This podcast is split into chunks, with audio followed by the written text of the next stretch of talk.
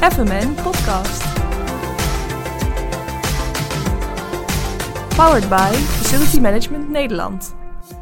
Welkom bij Doe eens duurzaam. In een reeks van 17 afleveringen nemen Wim, Alicia en ik jullie mee in alle Sustainable Development Goals en vooral wat het facilitaire werkveld daar nou mee kan doen en daarin kan betekenen. Uh, vandaag gaan we het hebben over SDG 15, het leven op land. Het behoud van de natuur is ontzettend belangrijk voor uh, planten, dieren, maar natuurlijk ook de mensen. En hoe creëren we nou steden waarin mensen en natuur elkaar kunnen versterken en naast elkaar kunnen leven? Hoe gaan we vanuit het facilitaire werkveld uh, onze organisaties helpen om veel meer biodiversiteit en klimaatadaptatie op de voorgrond te zetten? Dat is wat we vandaag gaan bespreken.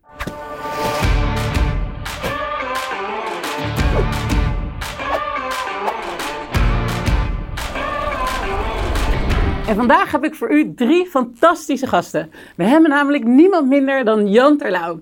Een man met een zeer rijk leven. Hij is begonnen als wetenschapper, vervolgens de politiek ingegaan, als minister van Economische Zaken onder andere. Eerst als Kamerlid, hè? Eerst als Kamerlid. En partijleider. en partijleider. En toen vervolgens ook nog eens een keer eh, minister van Economische Zaken. En uh, nou, als schrijver uh, was hij ook ongelooflijk succesvol. Vervolgens uh, hebben we fantastische praktijkvoorbeelden van uh, Jan Henk Tichelaar. Hij is de directeur van Rooftop Revolution. En um, hij gaat jullie alles vertellen over hoe je biodiversiteit en klimaatadaptatie in jullie daken kunnen versmelten. En we hebben Max Bijnenveld, eh, de verduurzamer van de gemeente Amsterdam, als ik dat zo kan zeggen. Die laat zien hoe je circulariteit en biodiversiteit naar elkaar toebrengt en handen en voeten geeft in de stad. Jan, uh, als ik uh, onderzoek moet geloven, dan uh, komt er na de klimaatcrisis eigenlijk nog een veel grotere crisis op ons af. En dat is de biodiversiteitsineenstorting. Um, hoe belangrijk is natuur in onze samenleving en in onze bewoonde omgeving? Het is volstrekt essentieel dat we begrijpen dat we deel uitmaken van de natuur. Alle planten en alle dieren leven ten bate van elkaar en ten koste van elkaar. Ze hebben elkaar nodig, ze hebben iets te geven en iets te ontvangen van de natuur. Als je kijkt naar een, een bij, die gaat op een bloem zitten, krijgt daar honing uit, maar doet ook iets voor de bloem.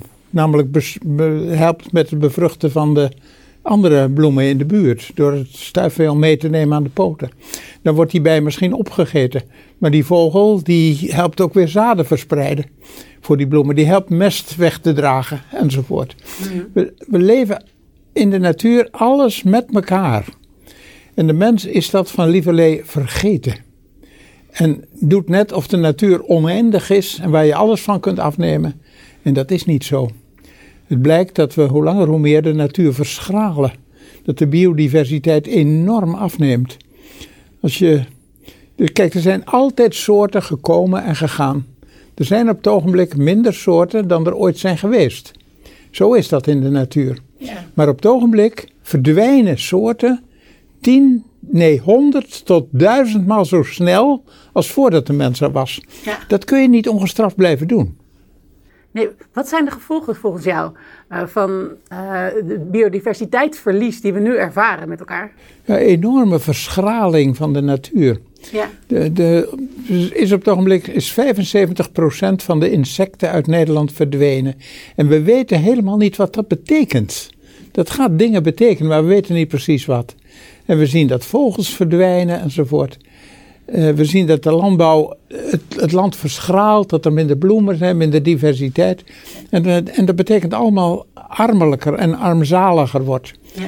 Afgezien nog van de klimaatverandering, die op het ogenblik de grootste urgentie heeft en waar met grote spoed iets aan gedaan moet worden.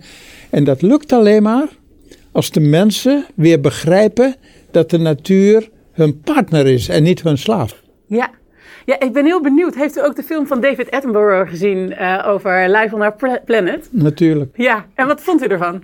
Ik vond het een prachtige film. Eén ding zat hij ernaast. Het was mooi om te horen dat hij zei: de Nederlandse landbouw is zo prachtig. Ja. Nou, dat is niet waar. Ook in de Nederlandse agrarische sector moet er heel veel veranderen. Ja. Maar verder vond ik het erg mooi omdat hij liet zien dat in één mensenleven, en dat geldt voor mij eigenlijk ook een beetje, ja. het je hebt zien gebeuren. 100 jaar geleden, dat is dan iets langer dan een mensenleven, was de situatie nog heel erg anders dan nu. We hebben in 100 jaar ongelooflijke schade aangericht. Ja, en ehm, afgelopen jaar heeft u het Boekenweek-essay geschreven. En eh, een vurig pleidooi over de natuur weer terug te halen in onze maatschappij. Ehm, wat eh, kunnen facility managers en organisaties nou bijdragen aan dit grote vraagstuk?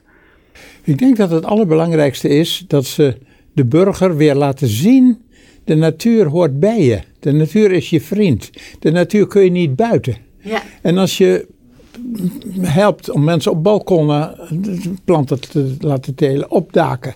Ze laten zien dat je ook duurzame energie kunt winnen. Dat niet alles hoeft in een opmaakcultuur.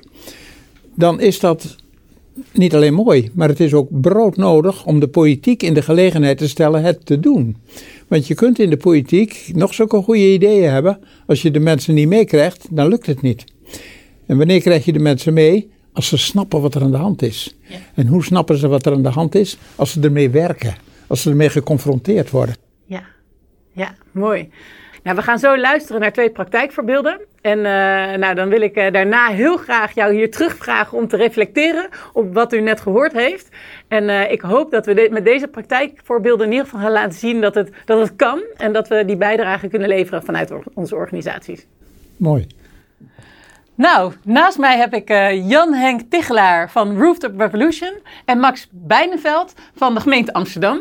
Welkom jullie beiden. Uh, gaaf om jullie hier te hebben, want jullie weten alles over biodiversiteit, klimaatadaptatie, hoe in balans te brengen de mens en de natuur. Tof. Mag ik met jou beginnen, Max? Zeker. Uh, wat, wat, wat is de rol van de gemeente Amsterdam in dit biodiversiteitsvraagstuk? Ja, de, de, de rol van de gemeente Amsterdam in het uh, biodiversiteitsvraagstuk is dat uh, de stad Amsterdam een ontzettend grote rol heeft te spelen uh, ten aanzien van de natuur en het opbloeien van de natuur. Um, heel veel mensen denken altijd dat er een, een, schijnbare tegenstelling is tussen het stad, het grijze, en de natuur, het groene. Ja. maar dat is eigenlijk helemaal niet zo.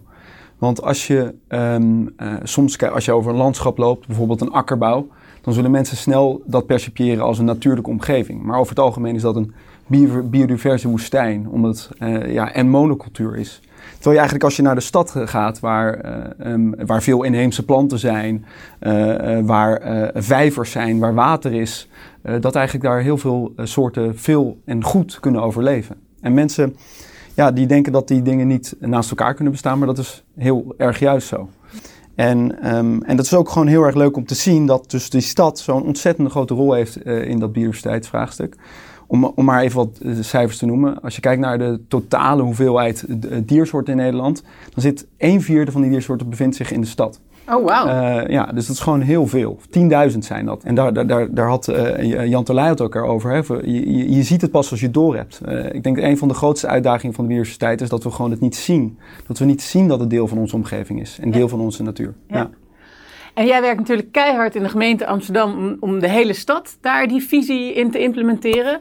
Um, hoe kunnen we dit nou vertalen naar het facilitaire werkveld? Ja, nou, heel hele goede vraag. Nou, ik hou bij bezig met de verduurzaming van de gemeentelijke organisatie. En dat eigenlijk houdt in dat uh, wij ja, allerlei huisvestingspanden in de stad hebben, uh, maar ook een heel groot deel uh, vastgoed. Ja. maar ook delen van de openbare ruimte zijn natuurlijk in eigendom van de gemeente Amsterdam. En dat zijn allemaal plekken, zeker als je kijkt naar gebouwen en, en de bedrijfsvoering, waar um, je een positieve rol kan spelen in het biodiversiteitsvraagstuk. Um, volgens facilitaire managers, die hebben heel verschillende doelen. Die doen heel verschillende zaken. Die, die beveiligen, die ondersteunen, die voeden, die maken schoon. En dat is eigenlijk heel leuk, want biodiversiteit doet dat ook. Hè? De biodiversiteit die beschermt ons, bomen tegen hitte, uh, die, uh, die voeden ons, namelijk appels van de bomen. En die beveiligen ons tegen ziektes en, ja, en andere zaken. Wauw, wat en, een prachtige ja, vergelijking. Ja, nee, dat is gewoon heel mooi. Dus, de, de, is, dus ik denk dat daar ook dat het leuk om te zien dat die vergelijking er is. Um, en het mooie is dat los van dat ze elkaar op elkaar lijken, de biodiversiteit en facilitaire managers, is dat ze ook gewoon een mooie rol kunnen spelen. Een van de aspecten waar wij bij de gemeente Amsterdam heel erg hard aan werken is um, in eerste instantie die bewustzijn uh, te creëren bij mensen. En dat is, uh, je, ziet hier allemaal mooie producten om je heen, heel veel natuurlijke producten. Ehm, maar ik denk dat dat een van mijn eerste tips zou zijn, is dat je gaat na gaat denken over van de, de, de dingen die in jouw bedrijfsvoering spelen, koffie, stoelen, Ehm, eh, papier. Uh, zorg ervoor dat je op een of andere manier, op een leuke manier, laat zien wat voor uh, rol biodiversiteit heeft gespeeld in de totstandkoming van papier. Papier komt uiteraard van een boom. koffie heeft allerlei soorten organische materialen en, en, en, en, en flora en fauna nodig om tot bloei te komen. Um, en ik denk dus dat is een van mijn eerste tips. Dus maak de mensen bewust wat er in de omgeving, waar dat vandaan komt, toen de natuur en daar een rol heeft ingespeeld. Ja. Mijn tweede tip zou zijn, ga gewoon heel concreet nadenken over al die producten en uh, diensten die je inkoopt, probeer in die aanbesteding ook duurzaamheidsaspecten mee te nemen. He, dus uh, je denkt aan schoonmaakmiddelen. Zorg ervoor dat de schoonmaakmiddelen die je inkoopt, dat die afbreekbaar zijn. He, uh, dat de want zo wordt de waterkwaliteit goed behouden. bij ja. koffie, dat het duurzaam is, dat, het, dat je weet waar het vandaan komt. En dat er geen palmbomen voor zijn gekapt in oerwoud. Maar je kan ook heel veel andere mooie dingen doen op een gebouw. Het vergroenen. Maar ik denk dat het leuk is als Jan Henk daar iets meer over vertelt, want hij is daar de expert op. Zeker, we komen zo weer bij je terug. Mooi bruggetje naar Jan Henk. Ja, dankjewel. Ja, directeur van Rooftop Revolution. En uh, jij houdt je continu bezig met het ja, gigantisch vergroenen van al die daken ja, uh, die jullie uh, aanpakken. Dat is ja. onze missie inderdaad. mensen aan hun dak laten denken. mensen aan hun, over hun dak laten dromen. En dan zorgen dat ze dat gaan benutten. En dan het liefste met dak natuur. Ja. ja. En, en waarom zijn die daken nou zo belangrijk? Nou, het is, Wat is het rol in onze stedelijke omgeving van de daken? Ja, het is wel mooi uh, om even bij Max aan te sluiten. Uh, daken zijn natuurlijk primair bedoeld om ons te beschermen eigenlijk hè, tegen de weersomstandigheden. Uh, zoals dus die, de bomen? Zoals de bomen, dus hè, die gebouwenschil. Um, zoals, om even aan te sluiten bij de terminologie van de facility managers. De gebouwenschil die is gewoon heel belangrijk om dat gebouw van binnen te beschermen tegen al die weersinvloeden. Zodat alles heel blijft en mensen daar prettig kunnen wonen, kunnen werken. Uh, uh, activiteiten kunnen ontplooien. Ja. Um, uh, maar die schil kan ook een functie krijgen voor de natuur. En de nestkastjes zijn een prachtig voorbeeld. Um, maar je kunt ook echt planten toevoegen aan die gebouwschil. Um, en daar is het dak ontzettend goed geschikt voor. Ja. er zijn hele mooie systemen tegenwoordig om daknatuur te realiseren. En dat het mooie is dat die natuur ook weer een rol gaat spelen bij het beschermen van het dak. Ja. dus die interactie tussen uh, mens en natuur en uh, uh, iets voor elkaar doen, waar Jan Terlouw het over had, dus het gaat over, over de bijen en de bloemen, um, die kun je ook krijgen als je met je gebouw een verbinding aangaat met die natuur. Ja.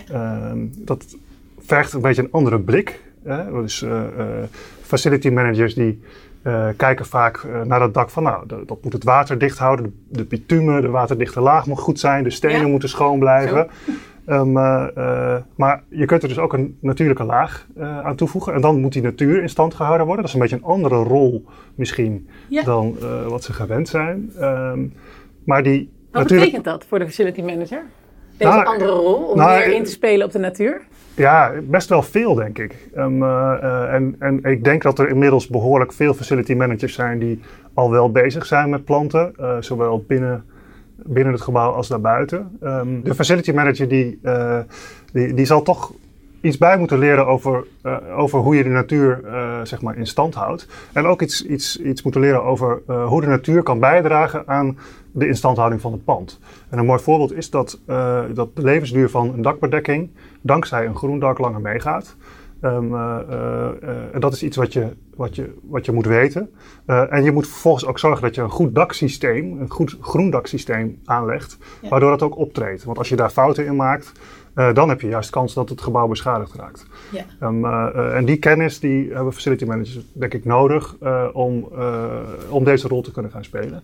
Uh, en, maar dan kun je dus gaan profiteren. En dan kan uh, een bitumine, bitumineuze dakbedekking, die nu uh, 20, misschien 30 jaar meegaat, die kan straks 40, 60 jaar meegaan. Ja. En dat is, dat is gewoon een voordeel voor, voor je gebouw. Prachtig voorbeeld. Ja. Mag ik daarop inhaken? Is ja. dat oké? Okay? Ja, ik denk dat dat gewoon heel, heel mooi is, want wat uh, Jan Henk speelt, het is gewoon echt een win-win situatie. Hè? Je hebt de facilitair manager wil dat de mensen in dat gebouw er goed bij zitten, ja. dat ze gelukkig zijn, hè, dat ze hun werk goed kunnen doen. Ja, en zo'n groen dak die zorgt voor verkoeling voor in de, in de zomer. Um, uh, uh, die houdt um, eh, voor, eh, voor, voor eigenlijk, die houdt het warmer in de winter. Ehm, als je er ook nog op kan, dan eh, kan je ook nog even tot- tot rust komen. Want eh, groen verlaagt het cortisolgehalte. dus nou, je wil zeker ontstress op werk.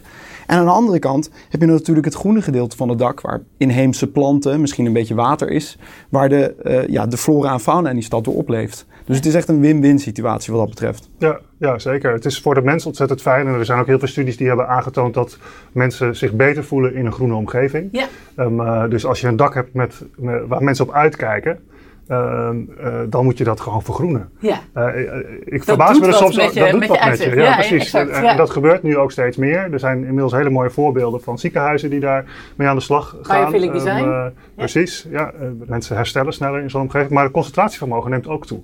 Maar we hebben het nu heel erg over de mens. Maar het interessante is dat we het natuurlijk eigenlijk over het leven op land hebben en over de biodiversiteit. Ja. Eh, en als je dus natuur gaat toevoegen op het dak, dan, dan is dat gewoon levens, levensruimte voor de soorten die al heel veel in de stad leven. En eh, die biodiversiteit in de stad, eh, ik, weet het ook, die is op dit moment in Nederland in ieder geval hoger in de stad dan op het platteland. Dus die stad is een beetje een soort van safe haven geworden voor allerlei diersoorten. Omdat er op het platteland, dat zijn een soort van eh, graswoestijnen geworden, ehm, eh, eh, waar steeds minder soorten eh, op een prettige manier kunnen leven. Max, eh, kan, kan jij nog het meest mooie voorbeeld noemen wat jij eh, of in Amsterdam hebt bereikt of iets wat jij gezien hebt? Ehm, ja, ik denk een van de ehm, em, meest eh, mooie voorbeelden eh, die ik kan benoemen, heeft eigenlijk alles te maken met het vergroenen van een dak. We zijn nu eh, bezig met een dak ehm, in Amsterdam West. ehm, waar we eigenlijk verschillende dingen samen laten komen. Want zoals je zei, we, we hebben als stad Amsterdam verschillende duurzaamheidsopgaven. Ja. En ik denk dat het mooie aan dit dak is, is dat dit heel erg laat zien dat eigenlijk alle duurzaamheidsopgaven die we hebben op dat dak kunnen gerealiseerd worden. Want we hebben een energieopgave, en dus daar liggen, er liggen zonnepanelen. We hebben een klimaatadaptieve opgave, dus dat heeft ermee te maken dat we ons moeten aanpassen aan het klimaat. Dus eh, er- het gaat steeds meer regenen door de klimaatverandering en het wordt heter. Ja. Nou ja, dus daarom hebben we wateropslag op dit dak. Ehm, en groen, nou, dat beschermt ons tegen de hitte.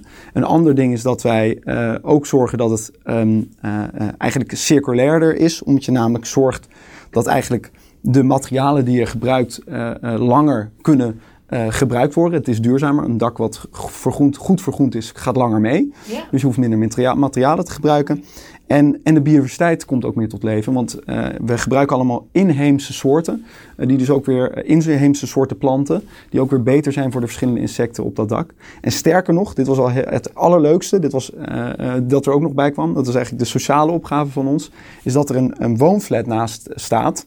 En daar zitten mensen met eh, mentale eh, eh, moeilijkheden. En, en nu waar er eerst dus een dak was wat zwart met bitumen was, komt nu een heel mooi groen dak. Nou ja, we, Jan Henk die had het ook al over. Die, die effecten die kunnen, die kunnen helend zijn. Hè. Eh, ik ik zeg, zeg niet dat het alles eh, kan oplossen, maar het kan in ieder geval wel bijdragen. Nou, vier, vier belangrijke Ja. aspecten. Dus we hebben klimaatadaptatie, biodiversiteit, het sociale vraagstuk Ja, het circulaire en vraagstuk. het circulaire vraagstuk. Ja. Wauw. Ja. En gezondheid. En gezondheid. En gezondheid. Ja, ja, ja. Prachtig, prachtig. Ja. En eh, Jan Henk, Ja. ehm, mag ik jou nog vragen om je het mooiste voorbeeld uh, Nou ja, dit, dit, dit, dit maakt onderdeel uit van hè, dat dak, eh, wat Max net noemt, maakt onderdeel uit van het project Resilio. En dat is een project eh, waar Rooftop Revolution ook bij betrokken is. En daarmee gaan we 10.000 vierkante meter slimme blauw-groene daken aanleggen in Amsterdam.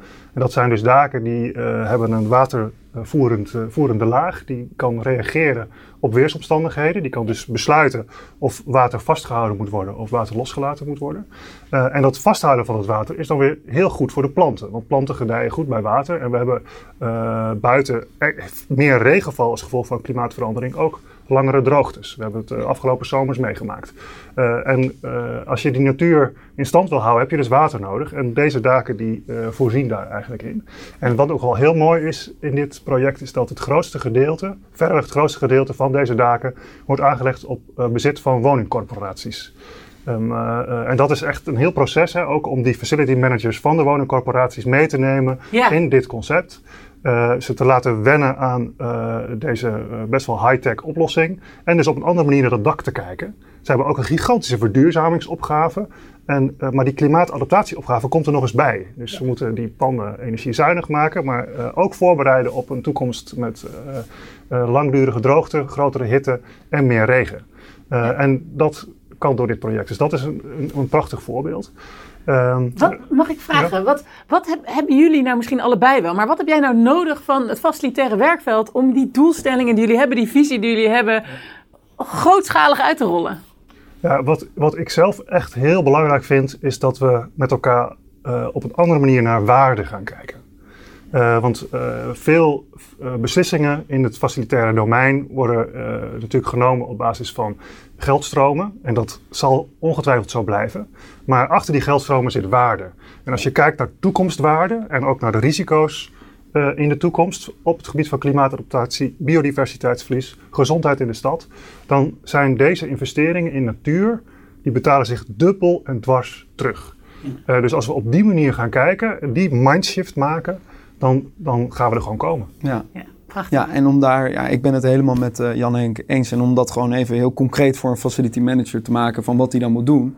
Nou, dus als hij een aanbesteding heeft en hij gaat bijvoorbeeld een, een, eh, koffie aanbesteden of, of papier aanbesteden. Wat je dan kan doen is dat je gebruik kan maken van de MKI, dus de milieukostenindicator. Ja. En die, wat die doet, die, die maakt eigenlijk wat Jan Henk vertelt. Het, het andere waarden centraal stellen, behalve de kosten, eh, het europlaatje. Dan kan je op een veel slimmere en betere manier gaan vergelijken welke oplossing daadwerkelijk de goedkoopste is.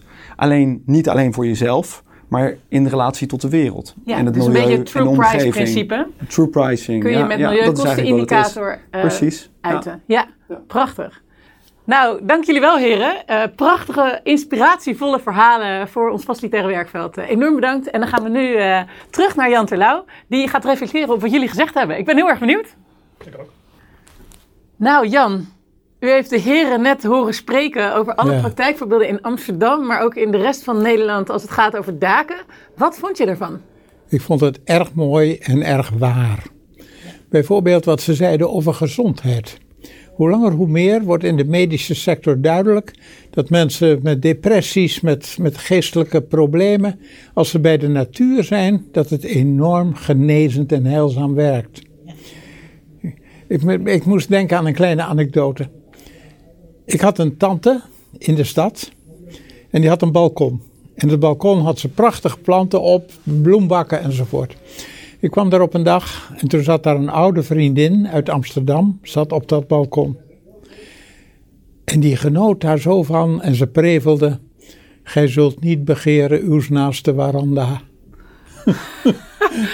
Dat was het ultieme verlangen, zo'n waranda. Maar ja, met haar christelijke aard mocht ze het niet begeren. Ja, prachtig. En Ach, het is, het is zo waar. Ja.